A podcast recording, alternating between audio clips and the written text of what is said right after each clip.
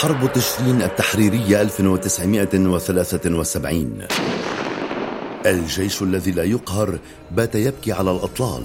حرب تشرين أو حرب أكتوبر أو كما سميت في إسرائيل بحرب يوم الغفران. ثلاثة عشر يوما دارت فيها أحد أقصى المعارك في عصرنا الحديث. انتقام العرب لنكسة حزيران بدا واضحا.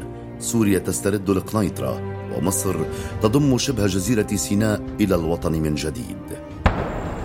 لم تصطفق كل من مصر وسوريا من صدمة نكسة 1967 حيث كان لهذه الصدمة الأثر الأوضح. كيف لا؟ وكانت سوريا ومصر قد خسرتا بالفعل مساحات شاسعة من الأراضي العربية لمصلحة إسرائيل.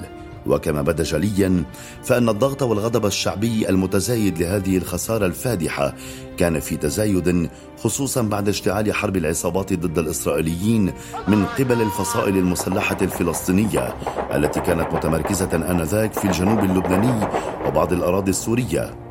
كل هذا كان في ظل تنامي القوة الإسرائيلية في المنطقة عسكريا وسياسيا وتهربها من تنفيذ قرارات الأمم المتحدة المتعلقة بانسحابها من الأراضي التي احتلتها عام 1967 كل هذه العوامل دفعت بكلا القيادتين السورية والمصرية إلى التخطيط والاستعداد لشن حرب كانت فريدة من نوعها على كافة الصعد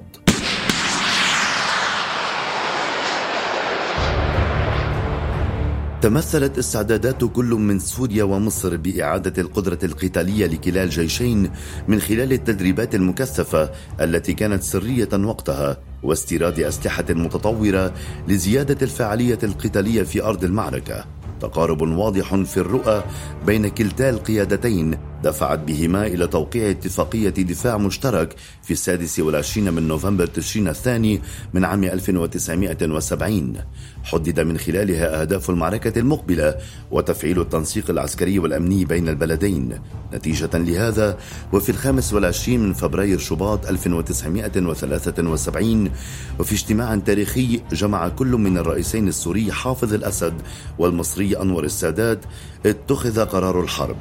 وتم تحديد ساعة الصفر في السادس من أكتوبر 1973 يوم السبت لشن الهجوم. استغلال عنصر المفاجأة كان قد شكل فارقا كبيرا حيث أنه كان يوم عطلة رسمية في إسرائيل كما وكان يصادف فيه عيد الغفران. فتكون المعسكرات الإسرائيلية في وضع خمول شبه كلي نظرا لأخذ الجنود هناك إجازات للاحتفال بهذا العيد.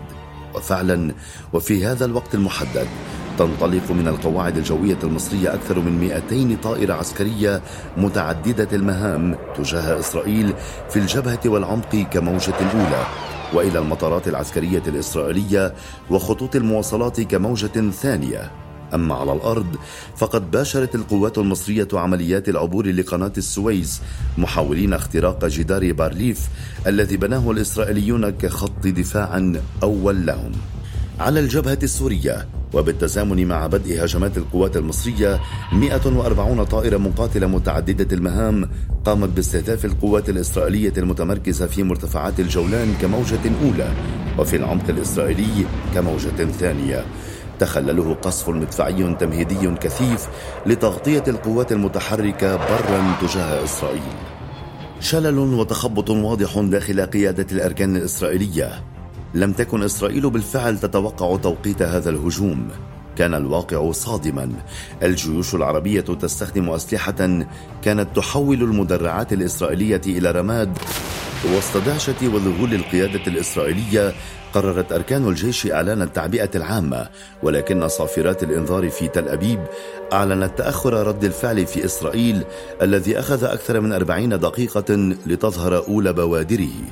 الطائرات الإسرائيلية قصفت وبشكل مكثف الدفاعات المصرية غير أن الأخيرة استطاعت إسقاط عدد كبير من تلك الطائرات مما دفع بإسرائيل لإبعاد سلاح الجو عن الجبهة المصرية. هذا العامل أثر بشكل إيجابي على عمليات عبور القناة واختراق جدار بارليف الذي استطاعت القوات المصرية في آخر الأمر من اختراقه. على الجبهة السورية كان خط دفاع ألون الإسرائيلي يقف عائقا أمام التقدم البري للوحدات المقاتلة حيث أن هذا الخط كان يمتد من جبل الشيخ شمالا إلى منطقة العال جنوبا. ولكن وبسبب التمهيد المدفعي العنيف الذي قامت به القوات السورية بادرت التحرك باتجاه القنيطرة. وخاضت هذه القوات معارك على هذا الخط امتدت لثلاثة أيام متتالية. استطاعت من خلالها اختراق الدفاعات الإسرائيلية من عدة محاور خاصة بعد وصول جزء من القوات السورية إلى جسر بنات يعقوب وشارفت على بحيرة طبرية داخل الأراضي الفلسطينية. هنا أحست إسرائيل بالخطر المحدق على الجبهة السورية فركزت ثقلها العسكري عليها خاصة بعد وصول المساعدات الأمريكية لها مرجحة الكفة مرة أخرى لصالحها حيث أنها قد استطاعت العودة إلى خط وقف إطلاق النار في الجولان مستغلة فترة الهدوء النسبية التي قامت بها القوات السورية لإعادة التموضع وترتيب القوات على الأرض. وبعد معارك ضارية خرقت إسرائيل مواقع الدفاعات السورية باتجاه دمشق والسيطرة على منطقة سعسع لكن القوات السورية وبمساندة من القوات العربية التي وصلت أرض المعركة استطاعت رد الجيش الإسرائيلي إلى خلف خطوط التماس. مبعدين بذلك الخطر عن العاصمة دمشق. في هذه الأثناء قامت القوات السورية بتعويض خسائرها وتعزيز إمداداتها للاستعداد لهجوم المضاد. لكن هذا الهجوم لم يكتمل بسبب قرار وقف إطلاق النار في الثالث والعشرين من أكتوبر من العام نفسه. أما على جبهة القناة فقد واجه المصريون مشكلة هامة ألا وهي اختراق خط بارليف فكان الحل الأمثل بالنسبة لها هو الدفع بقوات المشاة على شكل موجات متقطعة لتأمين الضفة الأخرى من القناة. وبالفعل قامت القوات المصرية بعبور قناة السويس والتوغل لعمق أربعة كيلومترات بتغطية مدفعية وصاروخية كثيفة مما زاد عمق تواجدهم ليصل إلى ثمانية كيلومترات. فهاجمت القوات المصرية الدبابات الإسرائيلية المتواجدة هناك وتمكنت في السابع من أكتوبر تشرين الأول من التمركز المبدئي هناك فعمدت إلى تعزيز رؤوس الجسور على القناة والاستعداد لاحتواء أي هجوم إسرائيلي معاكس. ترد إسرائيل بهجوم معاكس لتلاقي مقاومة مصرية عنيفة فدمرت معظم مدرعاتها لكن القيادة المصرية لم تستغل هذا الموقف فتمركزت داخل الأراضي التي استرجعتها لمدة خمسة أيام مما أتاح الفرصة لإسرائيل لجمع قواتها على الجبهة السورية وتشكيل دفاعات جديدة تمنع التقدم المصري. ولما قررت القيادة المصرية معاودة الهجوم اصطدمت بمواجهة عنيفة مع الإسرائيليين. كما وحاولت إسرائيل شن هجوم معاكس واشتبكت مع القوات المصرية في معارك ضارية جدا. فعلى الأرض. أكثر من ألفي دبابة تم التصادم فيما بينهم في معركة للدبابات هي الأكبر في القرن العشرين. ولكن وبسبب الدعم الأمريكي استطاعت إسرائيل أن تجد ثغرة بين صفوف القوات المصرية. استطاعت من خلالها اختراق الدفاعات المبنية حيث أنها قد وصلت إلى مشارف مدينة السويس قاطعة بذلك غالبية خطوط الإمداد المصرية. لكن إسرائيل اصطدمت بكمائن مصرية كانت معدة مسبقا.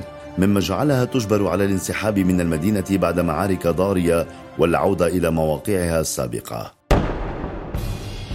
وضعت الحرب أوزارها في السادس والعشرين من أكتوبر تشرين الأول. أعقبها توقيع اتفاقيات فصل القوات مع مصر وسوريا. وقضت هذه الاتفاقيات بتحديد مناطق لا يسمح لأي قوة بدخولها. التداعيات الإقليمية لعل ما يميز هذه الحرب هو التضامن العربي الواضح الذي برز في قطاع النفط الذي كان سلاح ردع استراتيجي.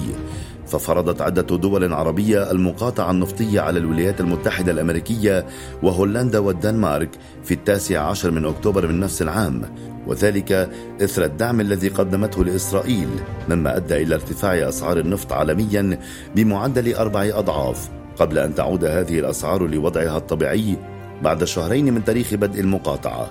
هذه المقاطعة كانت أحد الأسباب المباشرة لإنشاء وكالة الطاقة الدولية التي كان ضمن أولوياتها البحث عن مصادر أخرى للنفط خارج العالم العربي. كما ردت الدول المقاطعة بسياسات عديدة كان لها الأثر السلبي على الدول العربية التي قاطعتها. استعادت الدول العربية مكانتها الإقليمية والدولية بعد هذه الحرب بسبب القدرة الفائقة التي أبدوها على القتال وسط معنويات مرتفعة جدا بين صفوف الشعوب العربية مما جعل إسرائيل تعيد حساباتها مجددا.